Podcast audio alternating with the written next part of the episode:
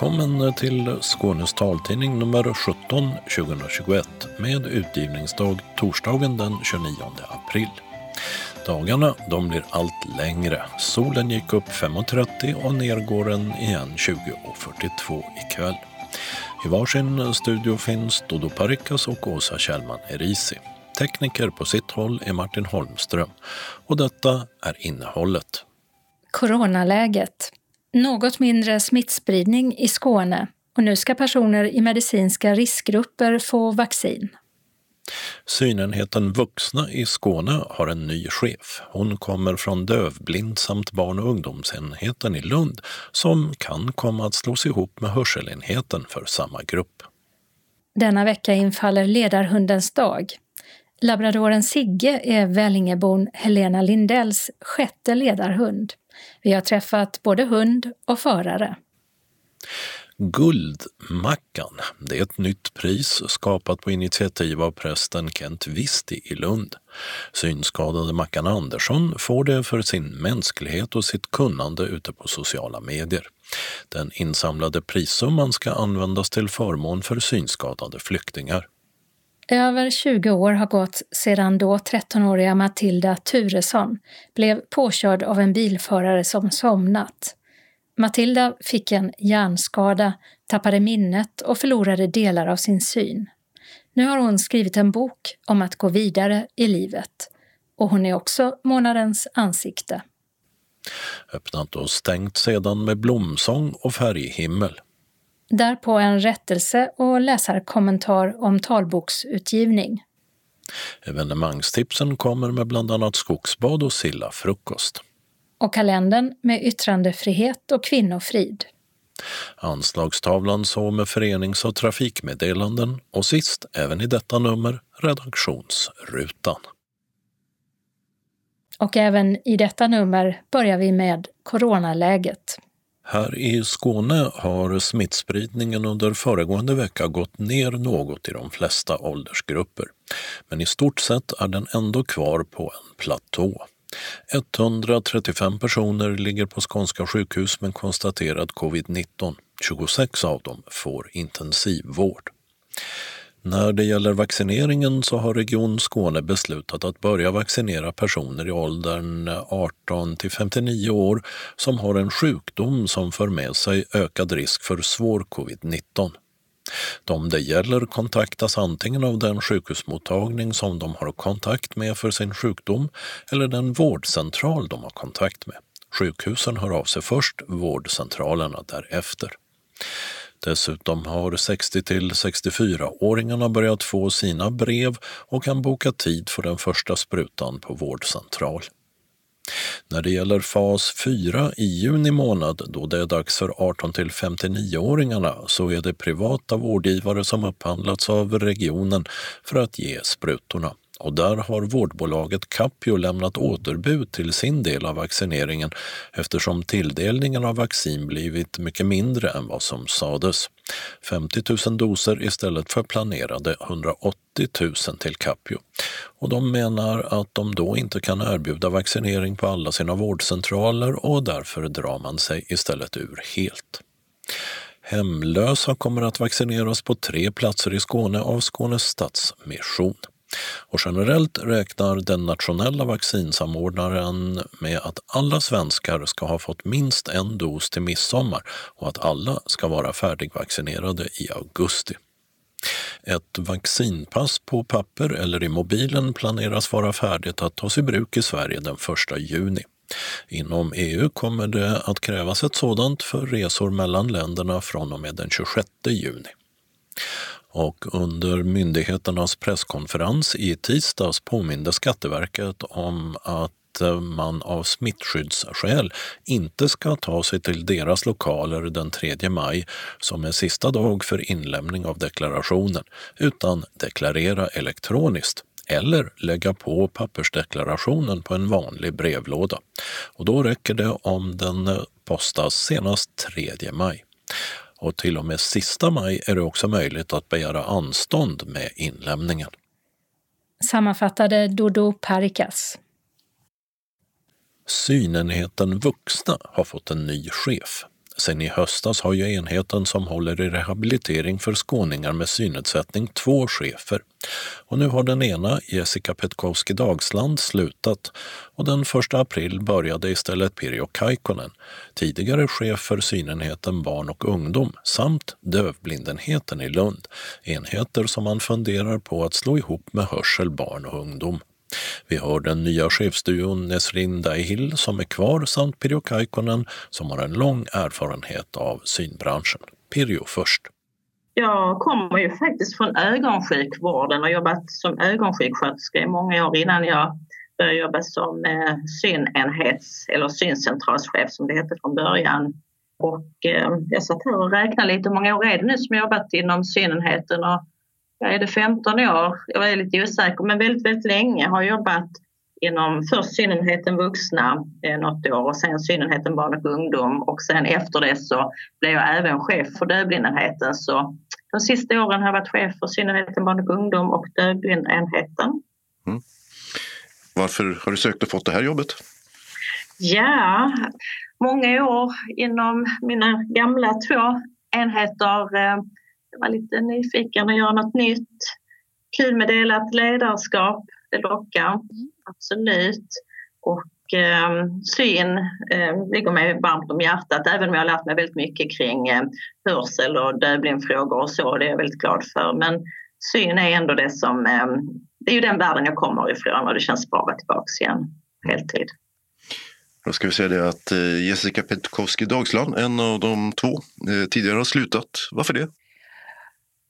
Ja, Jessica eh, skulle vilja prova något annat och eh, hon vill ju egentligen tillbaka till eh, sitt eh, Alltså hon har ju en eh, utbildning som vårdlärare sedan tidigare och hon ville gärna prova och um, jobba lite som uh, vårdlärare inom vuxenutbildningen. Så hon tog ju chansen och uh, tackade ja till den tjänsten skillnaden mellan barn, och ungdom och dövblind och vuxna. Eh, ja, vad tror du den är? Eh, ser du någon skillnad där? Eller? Alltså, det är klart att jag ser skillnader men det är inte så att det är helt främmande för mig eftersom jag kort innan jag blev chef för synnerheten barn och ungdom eh, jobba med alla åldrar och så. Men det som jag ser nu det är ju att det är mycket, mycket mer med hjälpmedel. Det är ju inte riktigt så på syn, barn och ungdom och dövblindsidan. Det är väl det spontant eh, eh, det jag kan säga. Men det är ju ungefär, det är ändå samma. Det, det är olikt men ändå samma. Så jag känner mig väldigt trygg att komma in här i, på Synvux och eh, väldigt fina medarbetare som jag känner att det är hög kvalitet på arbetet här och det känns bra att komma in och leda två så fina enheter tillsammans med då Nesrin i och med att vi har delat ledarskap. Ja, kommer det innebära några förändringar det här? Tidigare så har ni delat upp synenheterna mellan er. Kommer ni fortsätta med den uppdelningen eller kommer det hända någonting ja. annat? Ja, det stämmer. Vi kommer ju fortsätta med samma uh, uppdelning och samma uppdrag. Mm. Då är det då business as usual om jag förstår rätt. Ni fortsätter mm. verksamheten mm. ungefär som tidigare. Ja. Då återstår väl kanske frågan vad händer med barn och ungdom och dövblindverksamheten då? Ja, det är ju så att eh, man passar på då att göra en, en liten översyn över organisationen. Så just nu är det en tillförordnad chef, Hanna Afzelius då, som eh, är chef för hörsel, barn och ungdom och teamledarna är ju kvar, Petra Barnevik för dövblindenheten och Ann Jakobsson för synenheten barn och ungdom. Men man tittar över om det är möjligt att slå ihop eh, kanske hörsel, barn och ungdom, syn, barn och ungdom och dövblindenheten eftersom de flesta patienter får habiliterande insatser. Det vill säga att man har en medfödd eh, syn, eh, kombinerad eh, syn-hörselnedsättning eh, eller bara en hörselnedsättning. Eh, och jag vet inte faktiskt när den ska vara klar, den översynen, men eh, den är på gång i alla fall, så mycket vet jag. Eh, förstår du rätt då att de som eh, föreslår det här anser att syn och hörselfrågor hänger så mycket ihop så att man bör ha dem under samma tak då? Mm, att just att man jobbar eh, med alltså, målgrupper då som oftast, inte alla såklart, det finns ju de som har förvärvad eh, funktionsnedsättning då, men de flesta har ju någonting medfött Eh, alltså en eh, synnedsättning eller en kombination av hörsel och synnedsättning eller en hörselnedsättning. Mm. Till skillnad från vuxna som ju då oftast får det på grund av ögonsjukdomar och stigande ålder ja, förvärras synnedsättningarna. Och det är samma, eh, där är ju hörselvux också, då, det är ju samma där med den typen av hörselnedsättning. Sa Pirjo Kaikkonen som tillsammans med Nesrin Dahil är chef för synenheten Vuxna. De intervjuades av Mats Sundling. Sista onsdagen i april månad infaller ledarhundens dag, alltså denna veckan. Och en av Sveriges cirka 270 ledarhundsförare är 61-åriga Helena Lindell i Vellinge. Hon är blind och har haft ledarhund sedan några år in på 90-talet. Och nu är hon redan inne på sin sjätte, den svarta labradoren Sigge. Och det märks att han inte är i tjänst när Skånes taltidning kommer på besök. Ja, hej! Ett varmt välkomnande.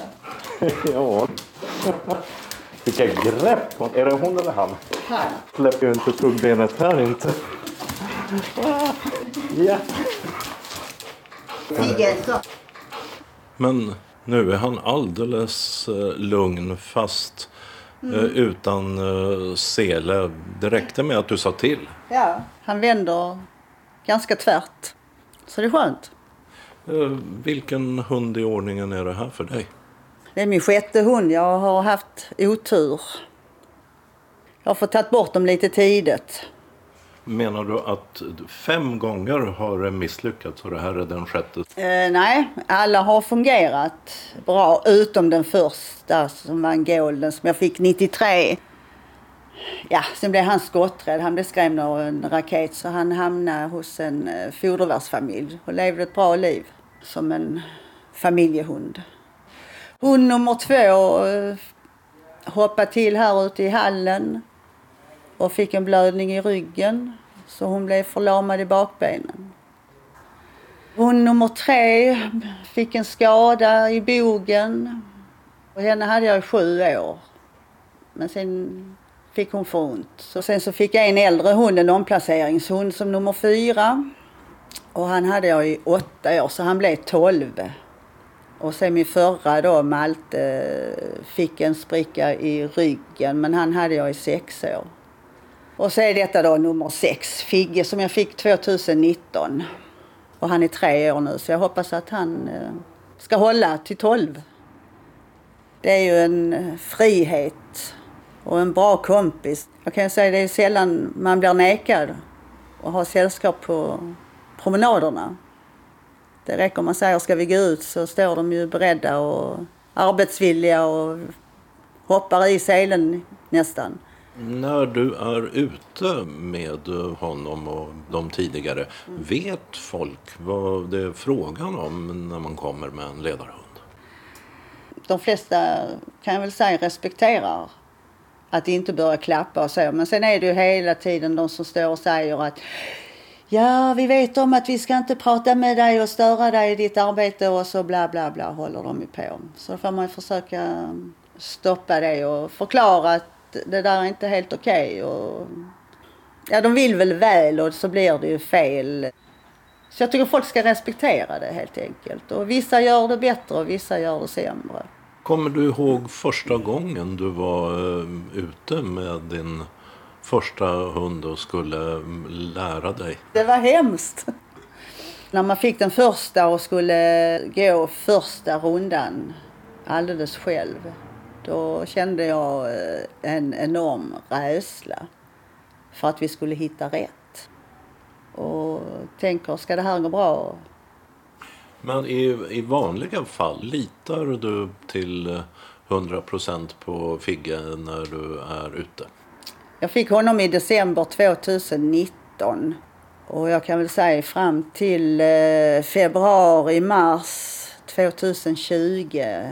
Då var det blod, svett och tårar med den hunden. Men sen blev det bättre och bättre. Nu har jag full tillit till honom. Han är väldigt eh, noga nu kan jag säga och vaksam och vill göra rätt. Har du haft hund eh, tidigare innan du behövde ledarhund? Jag har ju alltid haft ett eh, stort hundintresse, eh, eller djur. Jag har ju hållit på med hästar och haft hund tidigare. Så för mig var det liksom inget konstigt att ta en ledarhund. Eh, för jag har ju det hundintresset i mig. Och ser det ju inte bara som ett hjälpmedel utan han är ju en individ och han är ju med 24 timmar om dygnet. Så att jag känner när han är ute och jobbar så jobbar han och sen när vi är inne eller ute i trädgården eller så, så får han ju vara som en så kallad vanlig hund. Men under lugnare former, inte för mycket eh, bus så att säga. Men ni är ju två i uh, familjen, du och mm. din uh, man. Vad ja. har Figge för relation till din man? Det är inte under de bestämda formerna som jag har med Figge. Utan det är mer eh, skojsamt med Stefan och så ska det ju kunna få vara. För menar, skulle vi båda två vara lika bestämda då hade nog inte Figge haft jätteroligt liv, känner jag. Hur skulle livet vara om du inte hade Figge? Ja, det var tomt. Mer eh, inlåst. För det här ut och gå med bara käppen, eh, det tar så mycket energi. Går jag med Figge så kopplar man ju mer av när man är ute eftersom jag, eftersom jag har den tilliten till honom som jag har. Jag kan känna det att varje gång man får ta bort eh, sin hund så säger jag ju alltid till mig själv att nu tar jag inte en till för det är för jobbet. Men då sa min son till mig, det där mamma har jag hört förr och ändå så är man där igen med en ny hund. Ja.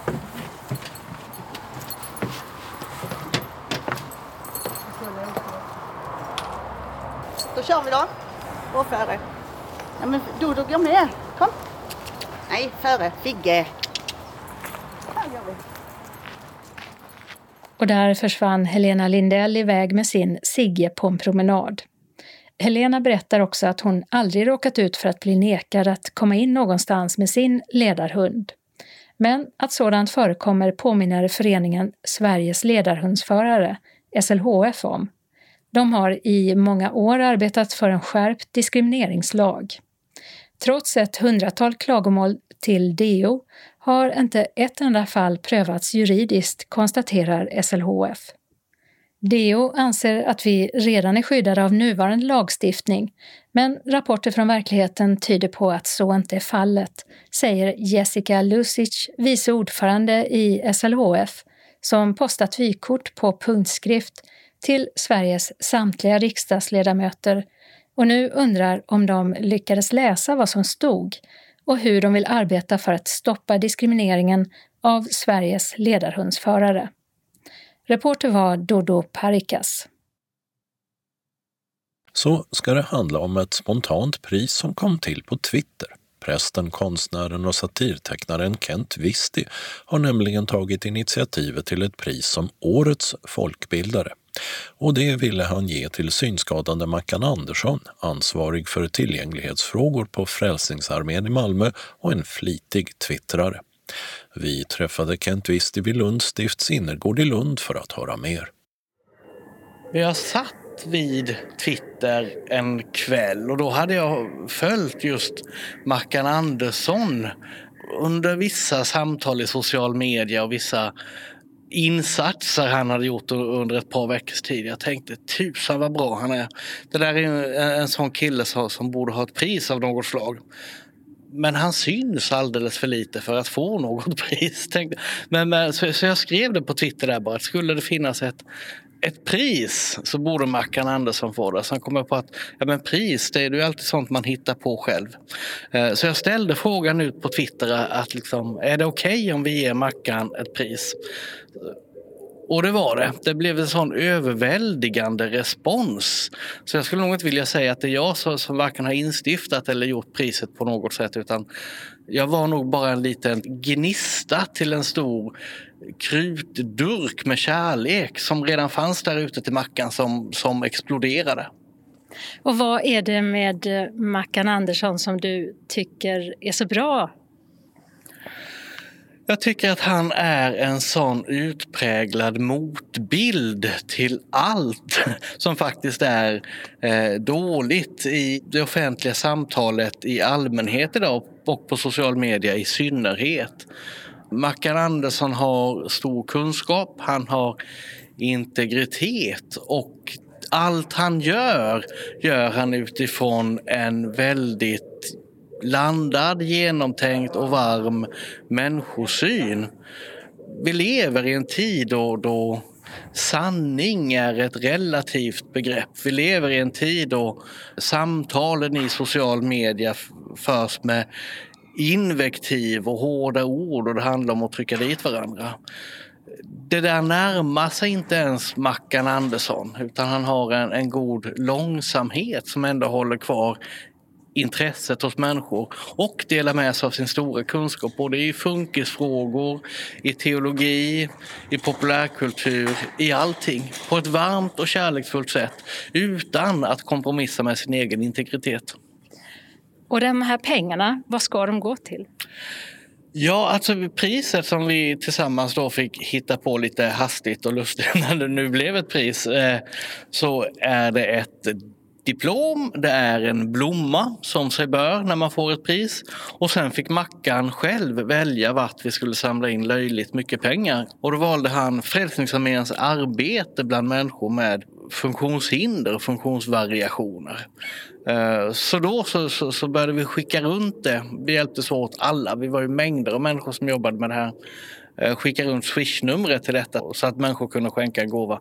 Och det blev en del pengar har jag förstått.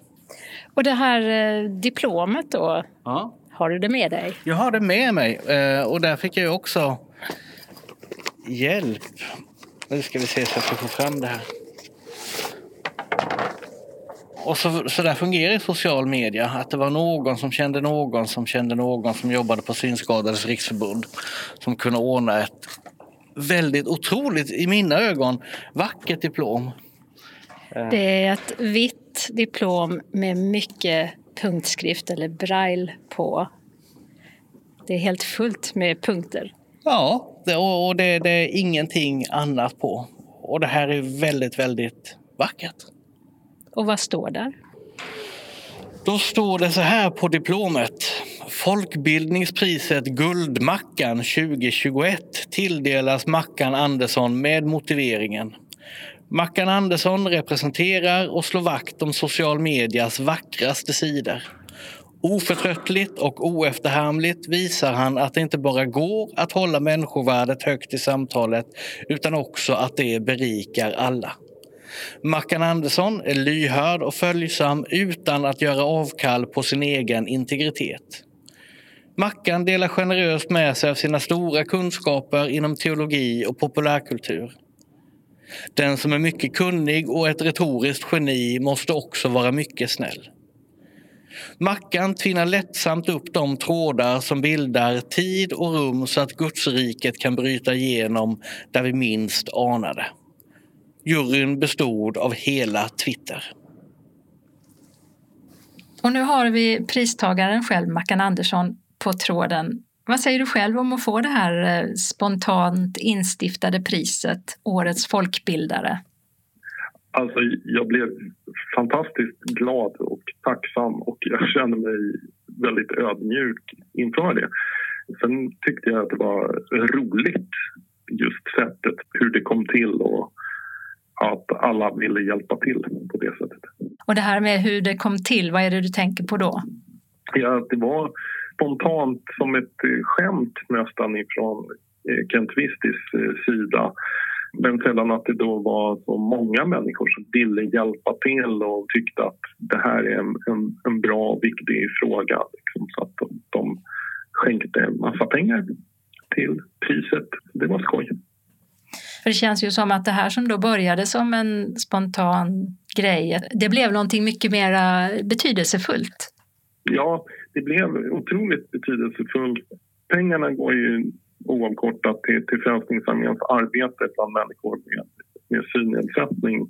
Och eh, det här är ungefär motsvarande alltså 25 procent eller någonting sånt där av, av en årsbudget helt enkelt på kostnadssidan om man räknar bort lönekostnader och sånt. Hur mycket pengar blev det till slut?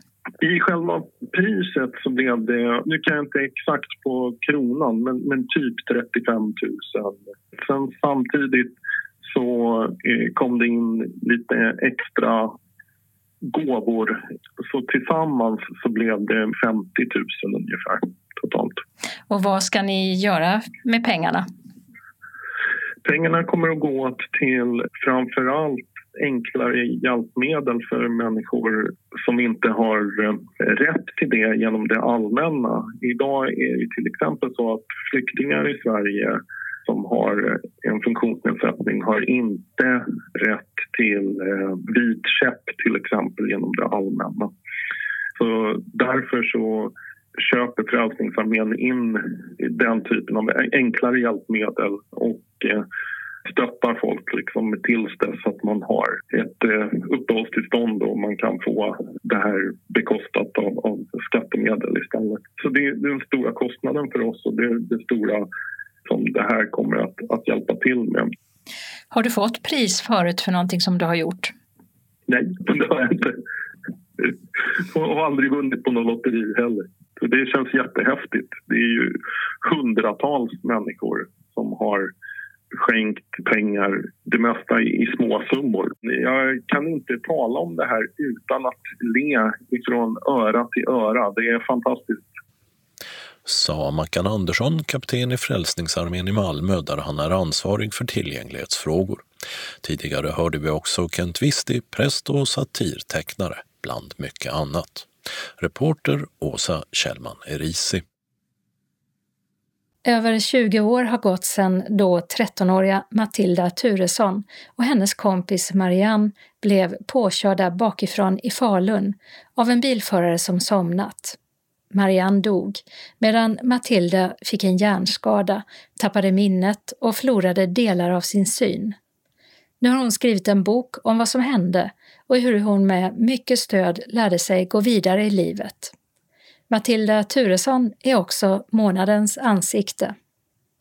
Det skulle kunna vara så lätt att bara vara bitter. Men jag vägrar att liksom vara det. Jag vill inte alls vara det. Det det är inte min stil. I mars 2000 inträffar en fruktansvärd trafikolycka i Falun. 13-åriga Matilda Turesson och hennes kompis Mariam blir påkörda bakifrån av en bil på en trottoar. En liten stund senare dör Mariam på sjukhuset och för Matilda börjar en kamp för överlevnad. En kamp som ska fortsätta i över 20 år. Hjärnskadan som Matilda ådrog sig vid trafikolyckan förändrar hennes liv och spolar i ett slag bort alla minnen från de 13 första levnadsåren. Hur bestämmer man sig för att överleva och hur går man vidare? Kanske genom musiken och kanske genom att skriva en bok. Det har Matilda Turesson gjort. Jag råkade ut för en trafikolycka när jag var 13 år. Och eh, jag kände att eh, det var viktigt för mig att, eh, mycket för min egen skull, på något sätt alltså bli bekväm med det som hade hänt. Och sen efter mycket, många år och mycket tankar och slit så kom jag fram till att jag ville skriva en bok. Varför just en bok? Alltså en bok känns ju som ett eh, bra sätt att komma ut på. Eh, man når många. Då säger du du skrev den mest för dig själv men samtidigt vill du komma ut. Vad, är det, vad, vill, mm. du, vad vill du komma ut med för någonting? Ja, men jag vill ju, alltså, min historia är väldigt speciell. Jag blev påkörd på en trottoar av en person som somnade vid ratten. Mm. Och då kände jag att eh, det är viktigt att få berätta det och sen att eh, mitt liv eh, fortsatte trots stora svårigheter. Och jag, jag känner att jag vill liksom visa för mig och visa för andra att trots mycket hinder så kan man ta sig dit man vill. Nu ska du få den Mm. kanske som många tycker är den absolut svåraste frågan som vi brukar ställa. Mm. Eftersom många av de som lyssnar inte ser Mm. så brukar vi fråga hur du ser ut och be dig att du ska beskriva dig själv. Okej. Eh, ja, jag eh, har eh, halvlångt hår, eh, brunt. Eh, jag har eh, blå ögon. Eh, jag... Eh, hur ser jag ut? Jag vet inte. Hur ser jag ut, tjejerna? Jag säger det är svårt här. Eh, det är supersvårt. Hur lång är jag då? Jag är inte jättelång. Lagom. Lagom lång. Lagom tjock. Vad har du för klädstil då? Eh, jag har ganska eh, jeans. Eh, som jag ser ut just nu så har jag svarta jeans. Och jag har en eh, grön eh, tjock tröja. Eh, och eh, ett linne under. Som är eh, blommor. Rö eller röda blommor. Och eh, sen har jag två ringar på fingret. Och ett armband. Men som jag förstår det så, så har ju du gjort en, en resa som man, liksom om man för många kanske skulle varit helt omöjlig. Eh, vad är det som gör, tror du, att du ändå har lyckats så inom citationstecken bra som du har gjort? Alltså dels har jag haft mycket bra människor runt mig ifrån start. Eh, Men sen dels också har jag jobbat väldigt mycket mentalt själv. Eh, Så att jag har jag har eh, jobbat mycket med att acceptera hur det är. Och det har gjort att jag har blivit bekväm med mig själv. Eh, Men det har tagit många, många, många år träning. Det är ingenting som man bara gör sådär eh, efter en dag. Men sen har jag väl också... Alltså jag har en hjärnskada men jag har... Eh, eh, mitt, eh, min mentala del eh, funkar bra. Men min kroppsliga, kroppsliga bekymmer är mycket större. Liksom. Eh, men då har jag väl använt mig mer av mitt eh, mentala tänk. Liksom. Eh, och sen bara... Jag vet inte. Alltså, jag har försökt att hitta styrka genom mig ifrån inuti mig. Liksom. Matilda får tillbringa lång tid på sjukhuset. När hon vaknar upp ur medvetslösheten vet hon inte vem hon är. Hon vet inte vem hennes föräldrar eller familj är. Ja, de 13 första åren av hennes liv är bortsopade. Mina föräldrar och min, hela min familj och släkt har ju varit ett jättestort stöd för mig. Och de har ju de har ju fått lära känna nya personen, nya Matilda, som jag också har försökt lära känna. Då. Eh, Och eh, alltså det är väl mycket genom mycket hjälp ifrån dem liksom som och precis efter, alltså jag kommer inte ihåg jag kommer inte ihåg själva olyckstillfället. Jag kommer inte ihåg eh, precis tiden efter heller. Det vet jag inte så mycket. Kommer du ihåg någonting från tiden före olyckan? Mm, knappt. Nej, det är väldigt så... Eh, det kan komma minnen, men jag vet inte om det är mina minnen.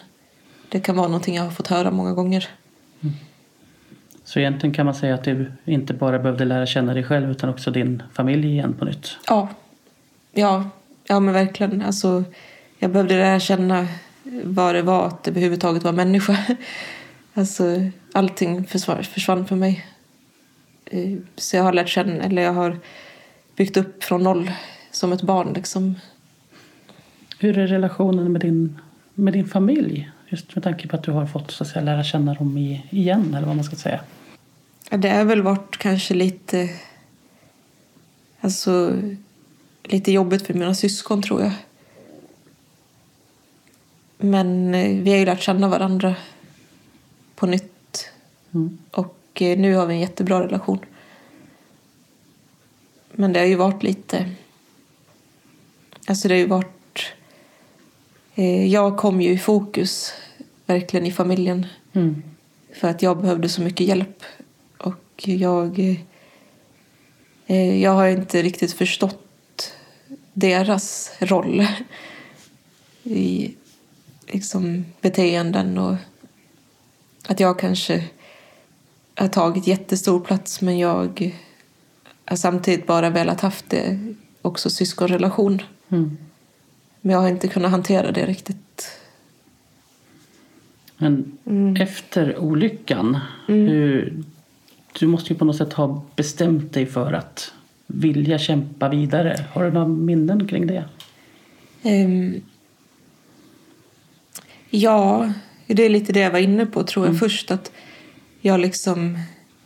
Jag kom till ett, något slags vägval mm. efter olyckan. Att antingen så väljer jag att eh, kämpa eller så väljer jag att eh, acceptera eh, och eh, bli omhändertagen resten av livet. Eh, men då valde jag att kämpa.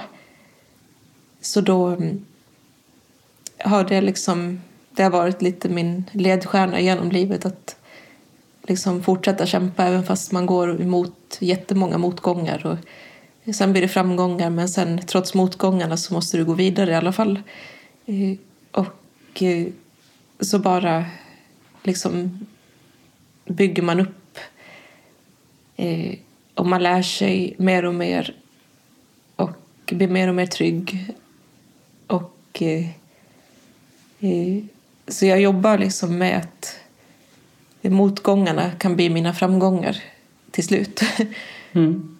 och eh, det är inte alltid lätt på något sätt men jag, eh, jag försöker se möjligheter och jag försöker liksom bara klara det som jag klarar eh, efter mina förutsättningar. Efter en lång tid av rehabilitering återvänder Matilda till skolan och kompisarna. Mm, alltså till en början var det ju bra.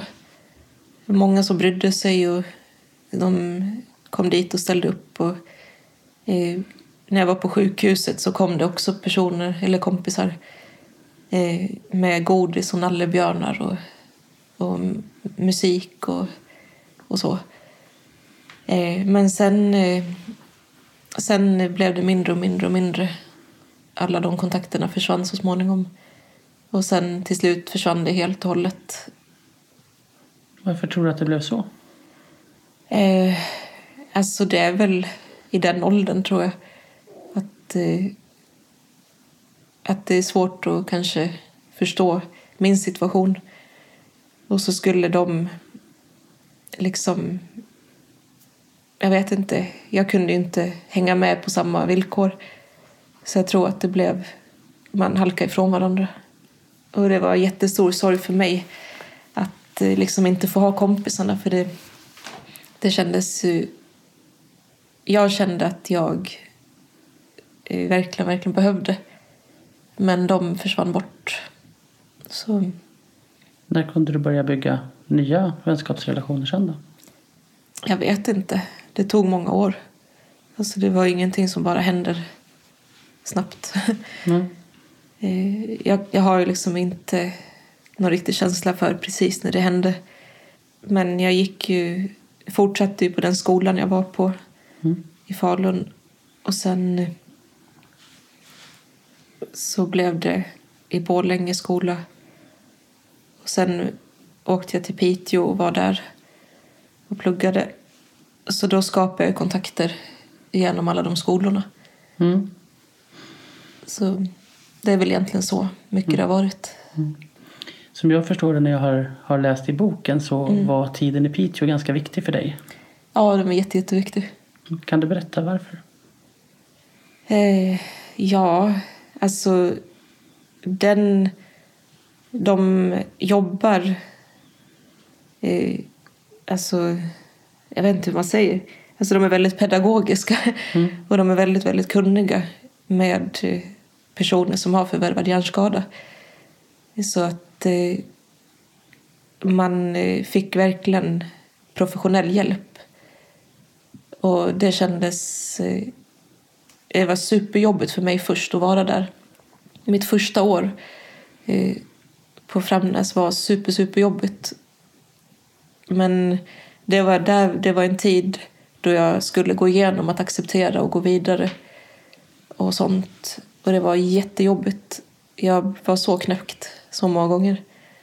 Men sen eh, så genom deras liksom supertålamod och kunskap så, så kom jag liksom ut och eh, började bygga upp mig själv till den jag är nu. Mm. mer, och, mer och mer. Och det, men de är verkligen jättebra på, på sitt jobb där. Vad tror du det var som gjorde att du till slut accepterade det? Jag vet inte. Alltså, jag, jag tror det är bara någonting som händer. Jag vet inte om jag kan säga precis så här, den här dagen hände det. Mm. Men genom att man accepterar och börjar förstå då tror jag att det, det blir lättare att eh, gå vidare på olika sätt. Då. Man eh, blir liksom mer kompis med sig själv. Vid den här olyckan så dog ju din kompis och du överlevde. Mm. Är det någonting som du också tänker mycket på? Ja, det är det. Eh, mer när jag var yngre. Men eh, jag har verkligen... Det har varit en stor sorg som, som jag bär på hela tiden. Mm. Och verkligen så frågan om... Eller inte frågan, men eh, det kunde ha varit jag. Jag mm. kunde ha stått eller varit på hennes plats. Eh, och av någon anledning så, så hade jag turen eller någonting mm. som gjorde att jag var på andra sidan. Och eh, hon fick liksom ta den stora smällen. Eh, men jag har tänkt på det väldigt många gånger. Och det är ju... Alltså det är någonting jag har bearbetat också i alla år. Mm. Så nu känner jag ingen... Alltså, eh, jag kommer inte ihåg henne heller så jag, jag, vet liksom inte vad jag ska sakna riktigt. Men jag, jag har känt alltid liksom som ett tomrum. Mm. Som att hon... Eller också som att hon, hon finns i, i mig, hos mig. Den här personen som körde bilen som orsakade olyckan. Mm. Eh, jag vet ju att han inte lever idag. Men hur, hur har du känt för honom? Mm, jätteilska. Mm. Bara ilska. Jag har varit så jäkla arg på honom. Men jag... Jag vet inte. Det känns ju som han sabbade mitt liv. Och jag hade ett möte med honom där han inte alls förstod vad jag pratade om, tyckte jag. Eh, men han... Jag vet inte, jag har varit jätte, jättearg på honom. Har jag varit. Hur kom det sig att du träffade honom? Eh, jag ville det, för jag ville se vem han var. Jag ville veta vem det var som hade gjort det. Så då hade jag ett möte tillsammans med någon eh, kurator eller någon som hjälpte mig. Och eh, det känns jättebra att jag hade mötet men jag fick inte så mycket ut av det. Mm. Men du har liksom aldrig kunnat förlåta honom eller så? Jo, alltså det har jag gjort. Jag har förlåtit. Eh, men det är som, det är hela tiden är det bara en process liksom. Eh, jag var jätte, jätteförbannad på honom. Men sen så kan ju inte jag gå runt och vara arg på någon som jag knappt vet vem det är. Liksom. Så då har jag valt själv att inte lägga energi på det. Utan jag har väl ja, förlåtit honom och eh, så gott det går liksom. Eh, och sen gått vidare själv i livet. Mm. Men det var en lång period först, alltså i början efter min skada som jag verkligen verkligen inte var så glad på honom. Men alltså, det går inte att fastna i det negativa för då, då kommer du ingenstans, Nej. tror jag. Men du kommer inte ihåg själva olyckan? Men hur, hur, när du placerar den här olycksplatsen och så, har du några känslor kring, kring den platsen? Eller? Mm. Jo, men det har jag. Alltså, det är ju känslor. Eh, Det står ju en del i boken också som är beskrivet. Mm. Men jag, det är ju...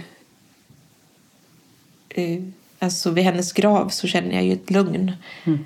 Och vid själva olycksplatsen så känner jag ju mer ett olust.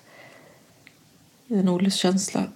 Och eh, jag... Eh, jag har velat så mycket komma ihåg själva händelsen. Men sen, jag kommer ju inte ihåg den. Så att jag... Eh, jag vet liksom inte riktigt vad det är jag ska känna. Mm. Eller så. Var, varför vill du komma ihåg den? Nej, men på något sätt så vill jag bara känna liksom, jag vill veta vad som har hänt. Alltså jag vill... Eh, det låter kanske konstigt men så är bara, när man inte kommer ihåg så vill jag ändå ha, veta så här... Eh, jag inte, känna det på något sätt. Mm. eh, och det kanske låter jättekonstigt men mm, det är så jag tänker. När man läser i boken så blir det ju väldigt tydligt att musiken har en väldigt viktig plats i ditt liv och att den hade det även, även för, före olyckan och så. Mm. Kan, du, kan du berätta om ditt, ditt musikaliska intresse? Hmm. Ja. Eh, jag vet inte. Det, det bara finns där. jag vet inte. Jag har liksom alltid hållit på. Och eh, eh, alltså hålla på med musik är ett sätt att uttrycka sig på.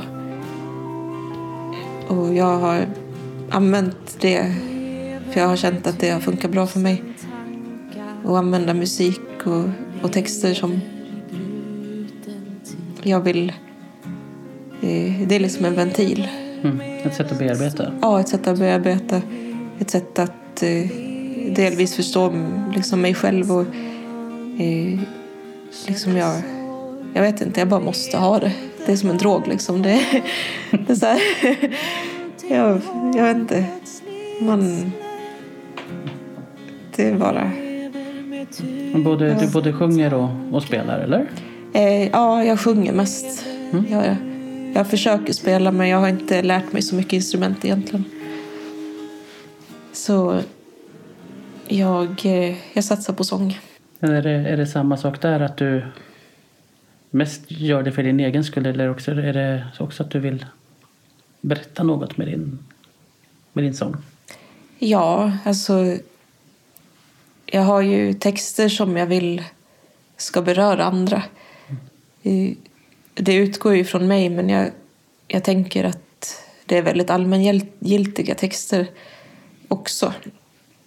Som jag tror och hoppas på att det ska beröra andra. Och att det är...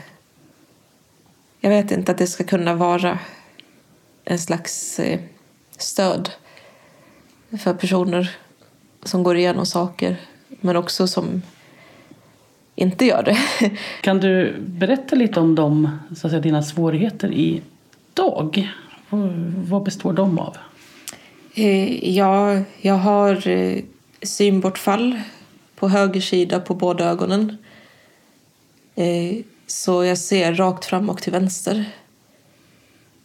Och sen har jag kognitiva bekymmer Eh, med eh, rumsuppfattning och eh, både inomhus och utomhus. Det är balans, nedsatt balans. Jag har ett bra långtidsminne men jag har ett sämre korttidsminne. Så när jag jobbar tillsammans med mina assistenter och så då behöver jag hela tiden bli påmind om liksom eh, om vi spelar in någonting, sjunger någonting eller så. Mm.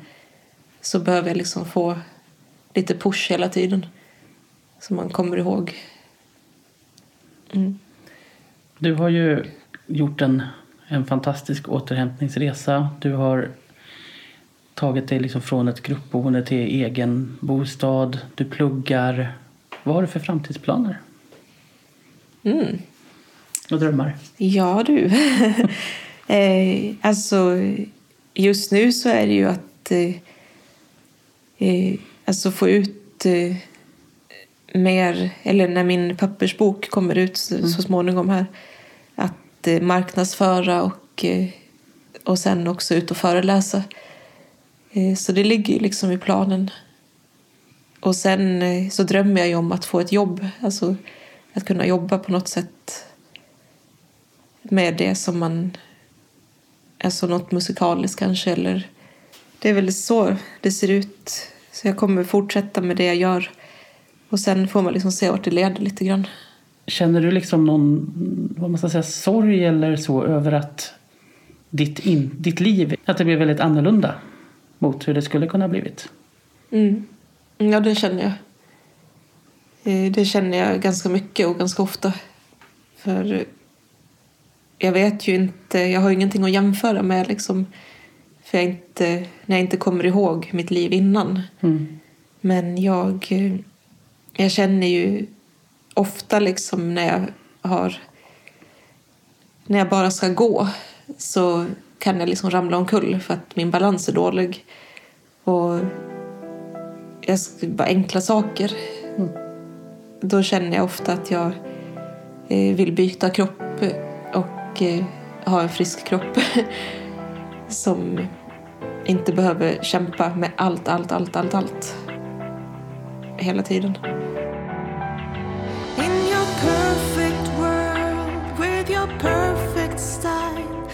your perfect world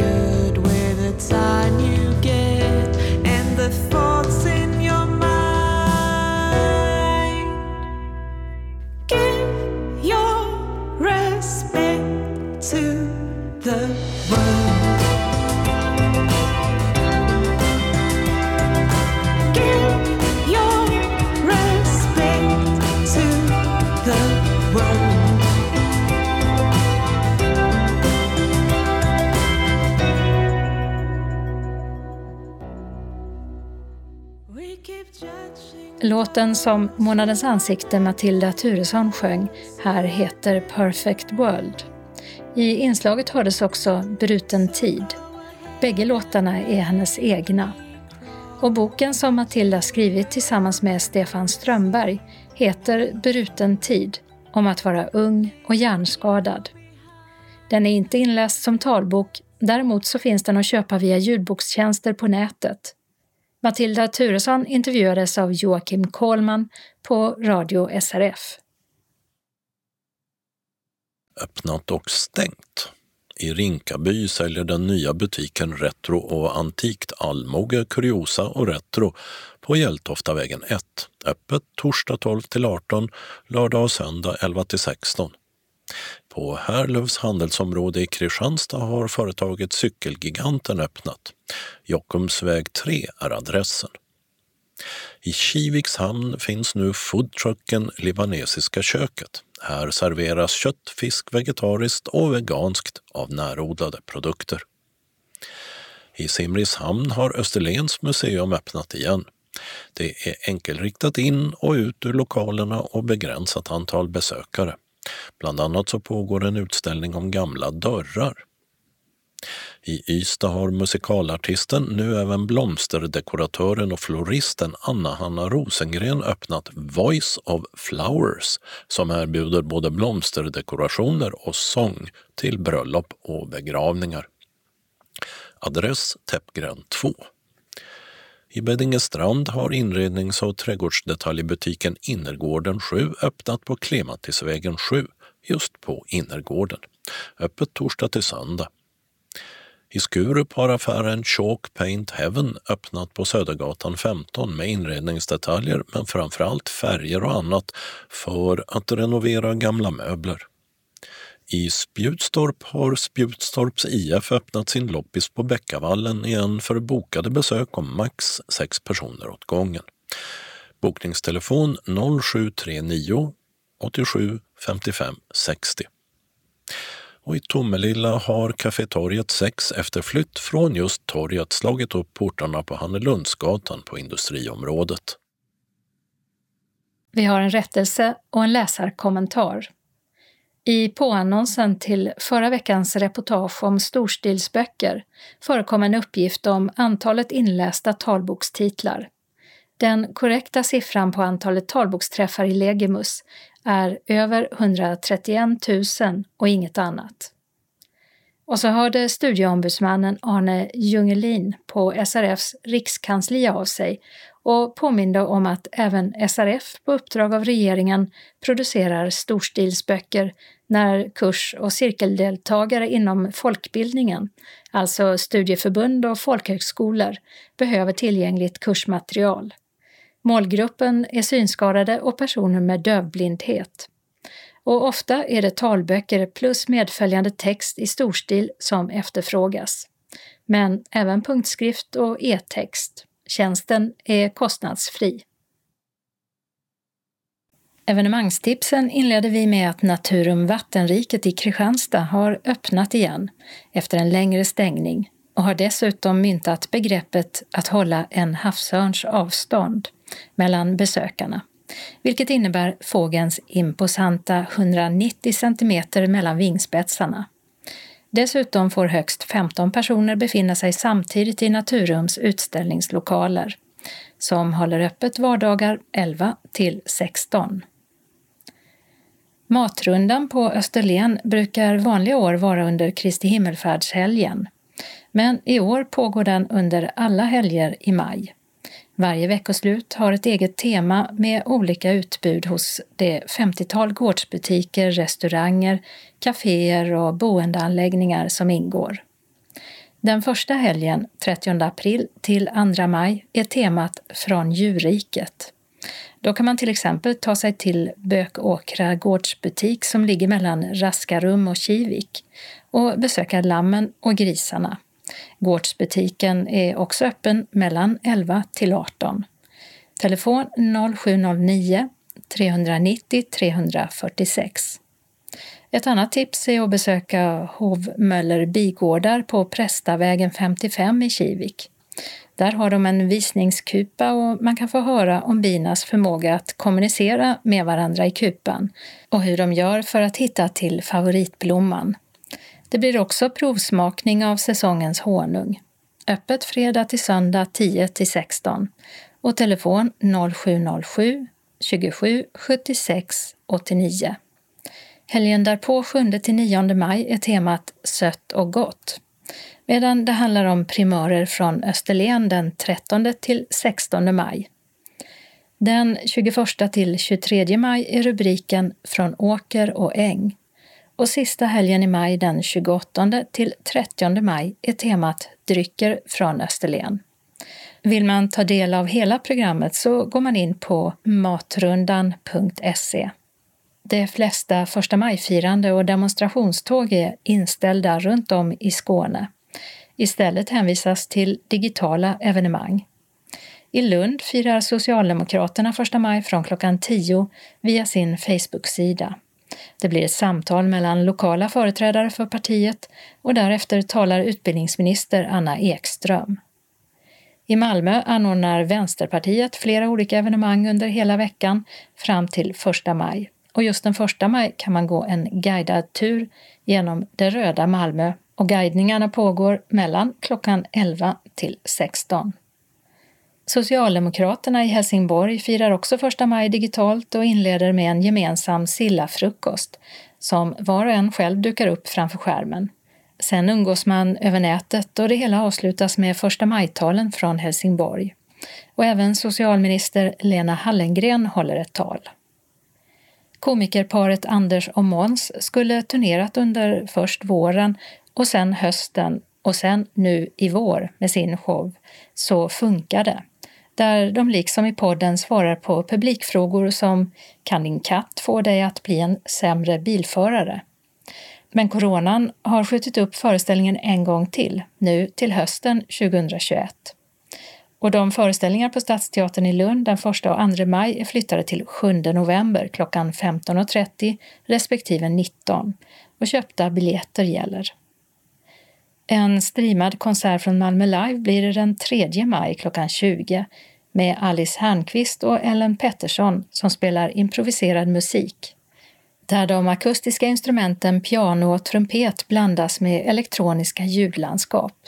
Konserten livesänds gratis på hemsidan malmolive.se. Och det här är ett samarbete mellan Bullret Jazzklubb och Malmö Live konserthus. Victoriateatern i Malmö fortsätter att livestreama musik. Den 7 maj kan man lyssna till jazzkvintetten Odd Job med bland andra trumpetaren och kompositören Goran Kaifes. Nyligen har de släppt albumet Kong med enbart egenkomponerad musik. Konserten är mellan klockan 20 till 21 och via Kulturcentralen kan man köpa stödbiljetter för 50, 100 eller 200 kronor. På Ekotop i Österlen hålls flera mindre kurser framöver om skapande och natur. Att kurserna är små gör att de snabbt blir fullbokade. Det blir två matlagningskurser den 16 maj och den 5 september. En kurs om ekologisk odling kan man delta i den 21 till 23 maj och även en kurs om permakultur den 28 till 30 maj.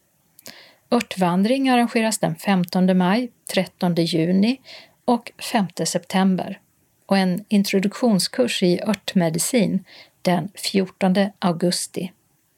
Den som vill skogsbada kan göra det den 12 juni och den 11 september. Och även andra kurser anordnas under våren, sommaren och hösten. För mer information, gå in på hemsidan ekotopia.se eller ring 0703 330 814. Biljettinformation. Kulturcentralen. Telefon 040 10 30 20 Biljettbyrån och Lunds stadsteater.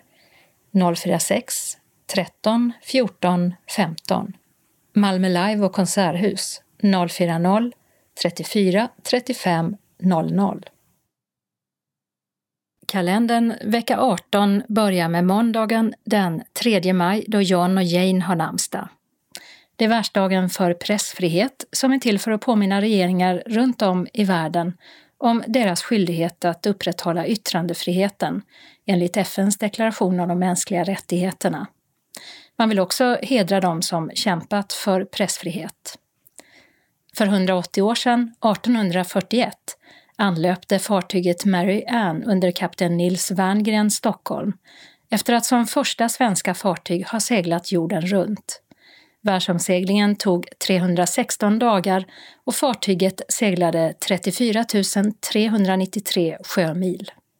Nils Werngren, som var bördig från Malmö, började redan som 12-åring som skeppspojke på sin fars fartyg. I Malmö Arena spelas den VM-förberedande turneringen Nordic Cup och herrlandslaget i ishockey Tre Kronor möter Norge klockan 20. Förutom Sverige och Norge deltar också Danmark i turneringen. Dagen efter klockan 17 spelas returmatchen mot Norge. Tisdagen den 4 maj är det Monica och Mona som har namnsdag. I riksdagen är det interpellationsdebatt där ministrarna svarar på frågor från riksdagsledamöterna. Det handlar bland annat om den framtida a-kassan där moderaten Lars Bäckman frågar arbetsmarknadsminister Eva Nordmark om hon kommer att sjösätta en statlig utredning under våren för att ta fram förslag på en kollektivavtalad arbetslöshetsförsäkring.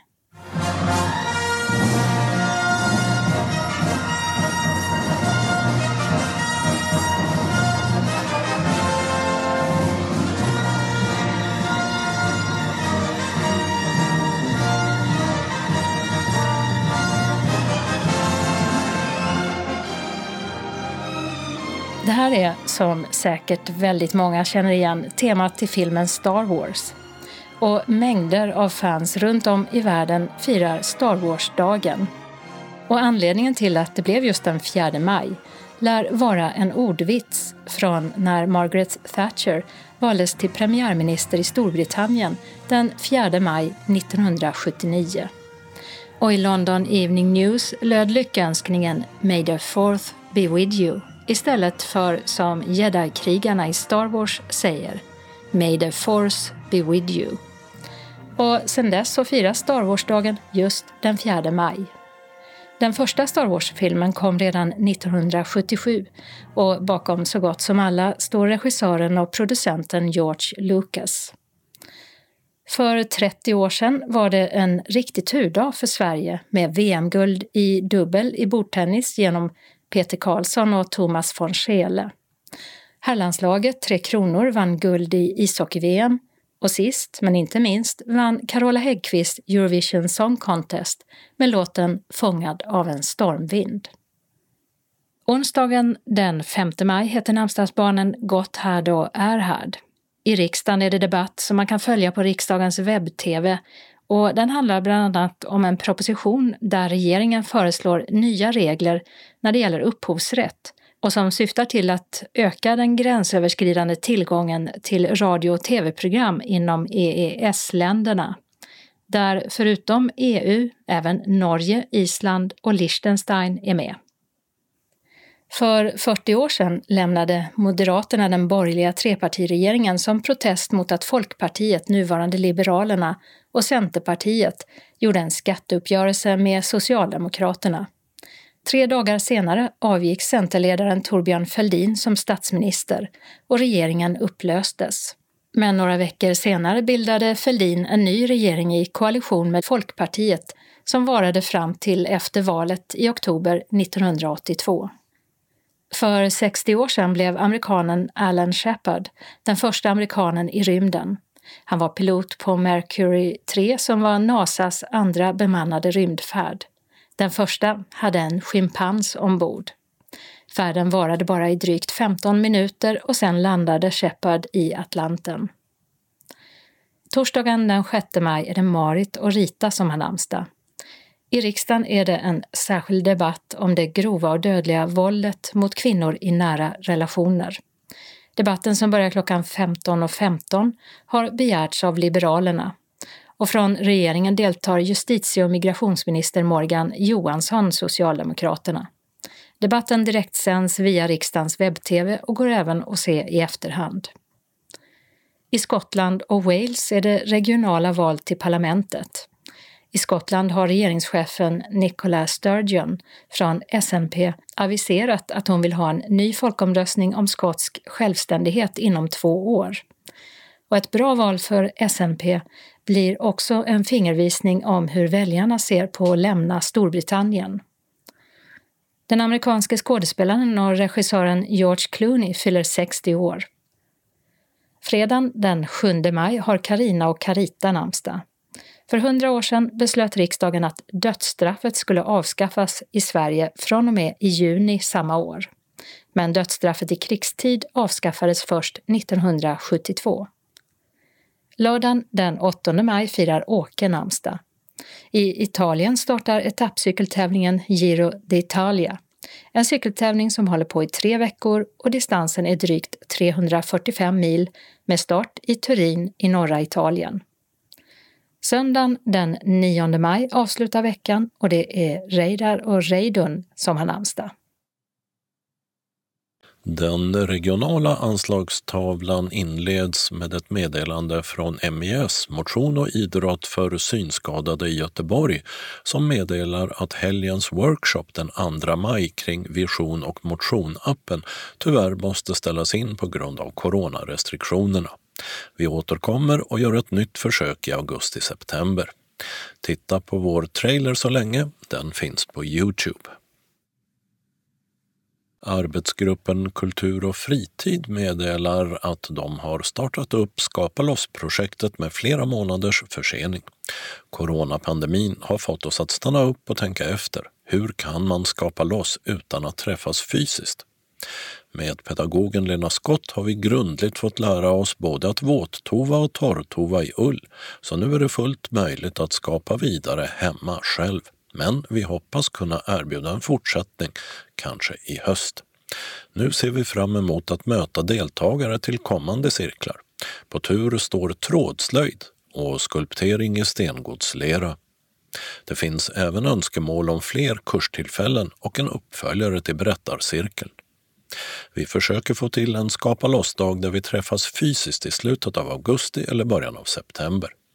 Och vi tar fortfarande emot förslag på skapa loss-aktiviteter som går att göra digitalt. Kan vi inte skapa detta nu så kan vi ha det i åtanke till nästa års budgetförslag. Och vi behöver inte sluta göra skapa loss-aktiviteter för att projektet inte finns kvar utan kan själva fortsätta skapa loss. Vi har uppmärksammats i Skånes taltidning. I reportaget kan man höra hur det gick till att lära ut ett hantverk digitalt. Samspelet mellan deltagare och pedagog är helt fantastiskt. Alla lyckades greppa tekniken och få sina hantverk tillverkade. Vi har gjort en arbetsbeskrivning, eller lathund, på hur man tovar in en tvål med ull. Den är syntolkad och man behöver inte se något för att kunna följa den. I arbetsbeskrivningen finns uppgifter om var man kan beställa ull. Beställ lathunden, arbetsbeskrivningen via mejl från Liss Malmborg. Tvålarna är fina presenter och en rolig aktivitet med vänner, barnbarn eller i lokalföreningen. Och man kan vara utomhus. Teams-tekniken har varit fantastisk. Vi har fått hjälp av ABF Skåne med att komma igång med Teams och utbildning till cirkelledare via Teams. Denna möjlighet erbjuder ABF till de som kommer att hålla i cirklar via dem. Tillsammans har vi kommit fram till ett bra sätt att arbeta för att kunna ta del av cirkeln och även den viktiga sociala biten. Vi ska ha roligt och känna gemenskap på en studiecirkel. Några veckor till kommer också cirkeln i berättarglädje att fortsätta med skrivpedagog Emelie Ånskog. Berättarglädje har uppmärksammats av taltidningen Läns och riksnytt. Ladda ner appen och lyssna. Mer Skapa loss kommer. Kontakta gärna Liss Malmborg om du vill fråga eller tipsa om fler Skapa loss-aktiviteter. Ring 0702 42 60 74 eller mejla liss.malmborg gmail.com. Liss stavas L-I-Z-Z. Eller Maj-Britt Ryman 0703 24 66 09. E-post majbritt.ryman gmail.com och Maj-Britt skrivs ihop som ett ord. Den lokala anslagstavlan är gemensam för hela Skåne och innehåller några inbjudningar samt ändringar i busstrafiken. SRF Lundabygden bjuder in till ännu en pandemianpassad studiecirkel via telefon. Vardagstips är en studiecirkel där du får bra och användbara tips i din vardag av vår cirkelledare Simon Tienso men där det även finns möjlighet för trevliga diskussioner och där cirkeldeltagarna får möjlighet att ge tips och utbyta erfarenhet. Tid onsdagar 13.30 till 15.30 via telefon. Anmäler dig gör du till vårt kansli på 046 211 0674. Vid anmälan får du info om telefonnummer och deltagarkod. Vi behöver ha din anmälan så snart som möjligt och studiecirkeln startar när deltagarantalet är minst fem personer. SRF Malmö Svedala vänder sig till alla morgonpigga naturälskare. Tänk att få komma ut en tidig morgon och lyssna till fågelsång och samtidigt bli guidad av en som kan tala om vilka fåglar som hörs och kan berätta om dessa. Hade inte det varit härligt? Precis detta kommer att äga rum söndagen den 23 maj 08.00. Vi kommer att vara i Pildammsparken och vandra bland bokarna runt tallriken. Vi möts vid Roskildevägen 35 eftersom det då är nära in till tallriken. Vår guide heter Erik Hirschfeldt. Han är fågelskådare och kan det mesta om fåglar och kan guida oss runt i fåglarnas värld. Är du intresserad av att vara med så hör av dig till föreningens kansli telefon 040 25 05 40 Sista anmälningsdag är 12 maj. Antalet är begränsat så först till kvarn gäller och det är viktigt att säga till om du behöver ledsagare. Har du några frågor kan du ringa Rolf Berglund, telefon 0705 47 97 29. Välkommen önskar styrelsen. SRF Ringsjöbygden har ett meddelande till sina medlemmar. Nu har vi haft årsmöte som telefonmöte. Då beslöts bland annat att vi ska försöka få igång vår verksamhet efter coronapandemin. En träff vid Trollsjön i Eslöv i maj eller juni är ett förslag.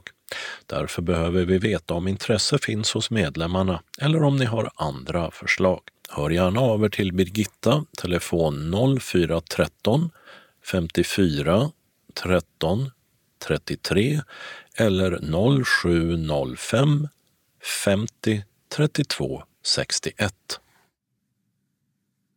SRF Västra Skåne har ett meddelande till medlemmarna i Helsingborg, Höganäs, Landskrona och Svalöv. Kansliet är stängt fredag 30 april för firande av valborg och 1 maj. Även onsdagen den 12 maj till och med fredagen den 14 maj är det stängt för Kristi himmelsfärdsdag. Trevliga helgdagar önskar Lotta Karlsson och Monica Kühlenstierna. Och SRF Västra Skåne inbjuder till månadsmöte 11 maj mellan 14 och 16. I skrivande stund vet vi inte om det blir per telefon eller i föreningens lokal Vaktgatan 3, Helsingborg. Nya direktiv ska komma från Hälsovårdsmyndigheten den 3 maj.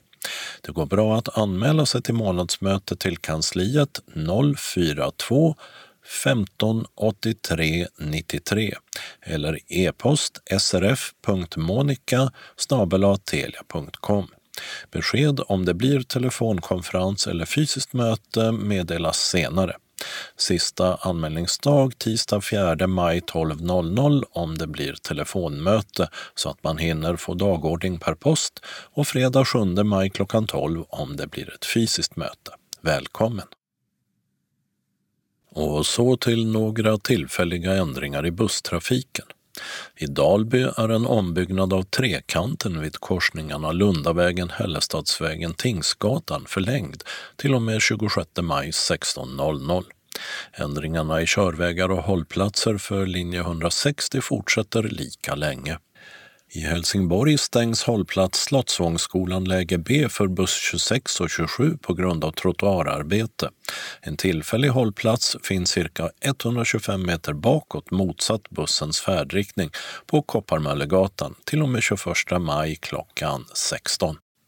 I Landskrona byggs en cirkulationsplats på väg 17 in till Öja kyrkby. För buss 240 mot Svalöv stängs hållplats Landskrona-Vadensjövägen läge A så länge. Hänvisning till en tillfällig hållplats vid samåkningsparkeringen cirka 180 meter i sydöstlig riktning. In mot Landskrona flyttas inte hållplats läge B. Siste maj 16.00 ska allt vara klart. I Malmö har ett VA-arbete på Lönngatan avslutats tidigare än beräknat och gatan är åter öppen mellan korsningarna med Nobelvägen och Lantmannagatan. Och flygbussarna samt stadsbuss 1 och 35 och regionbuss 141 kör sin vanliga väg igen. Och där tog april månads sista nummer slut. Nästa nummer kommer torsdagen den 6 maj. Skånes taltidning ges ut av Region Skånes psykiatri och habiliteringsförvaltning. Ansvarig utgivare är Martin Holmström. Postadress Jörgen Ankersgatan 12, 211 45 Malmö. Telefon 040-673 0970.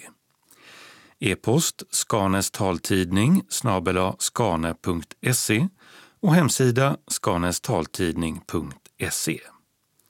Observera att CD-skivorna inte ska skickas tillbaka till oss. Såväl skivor som kuvert kan läggas i brännbara sopor när ni inte längre vill ha dem. Vi hörs igen. Hej då!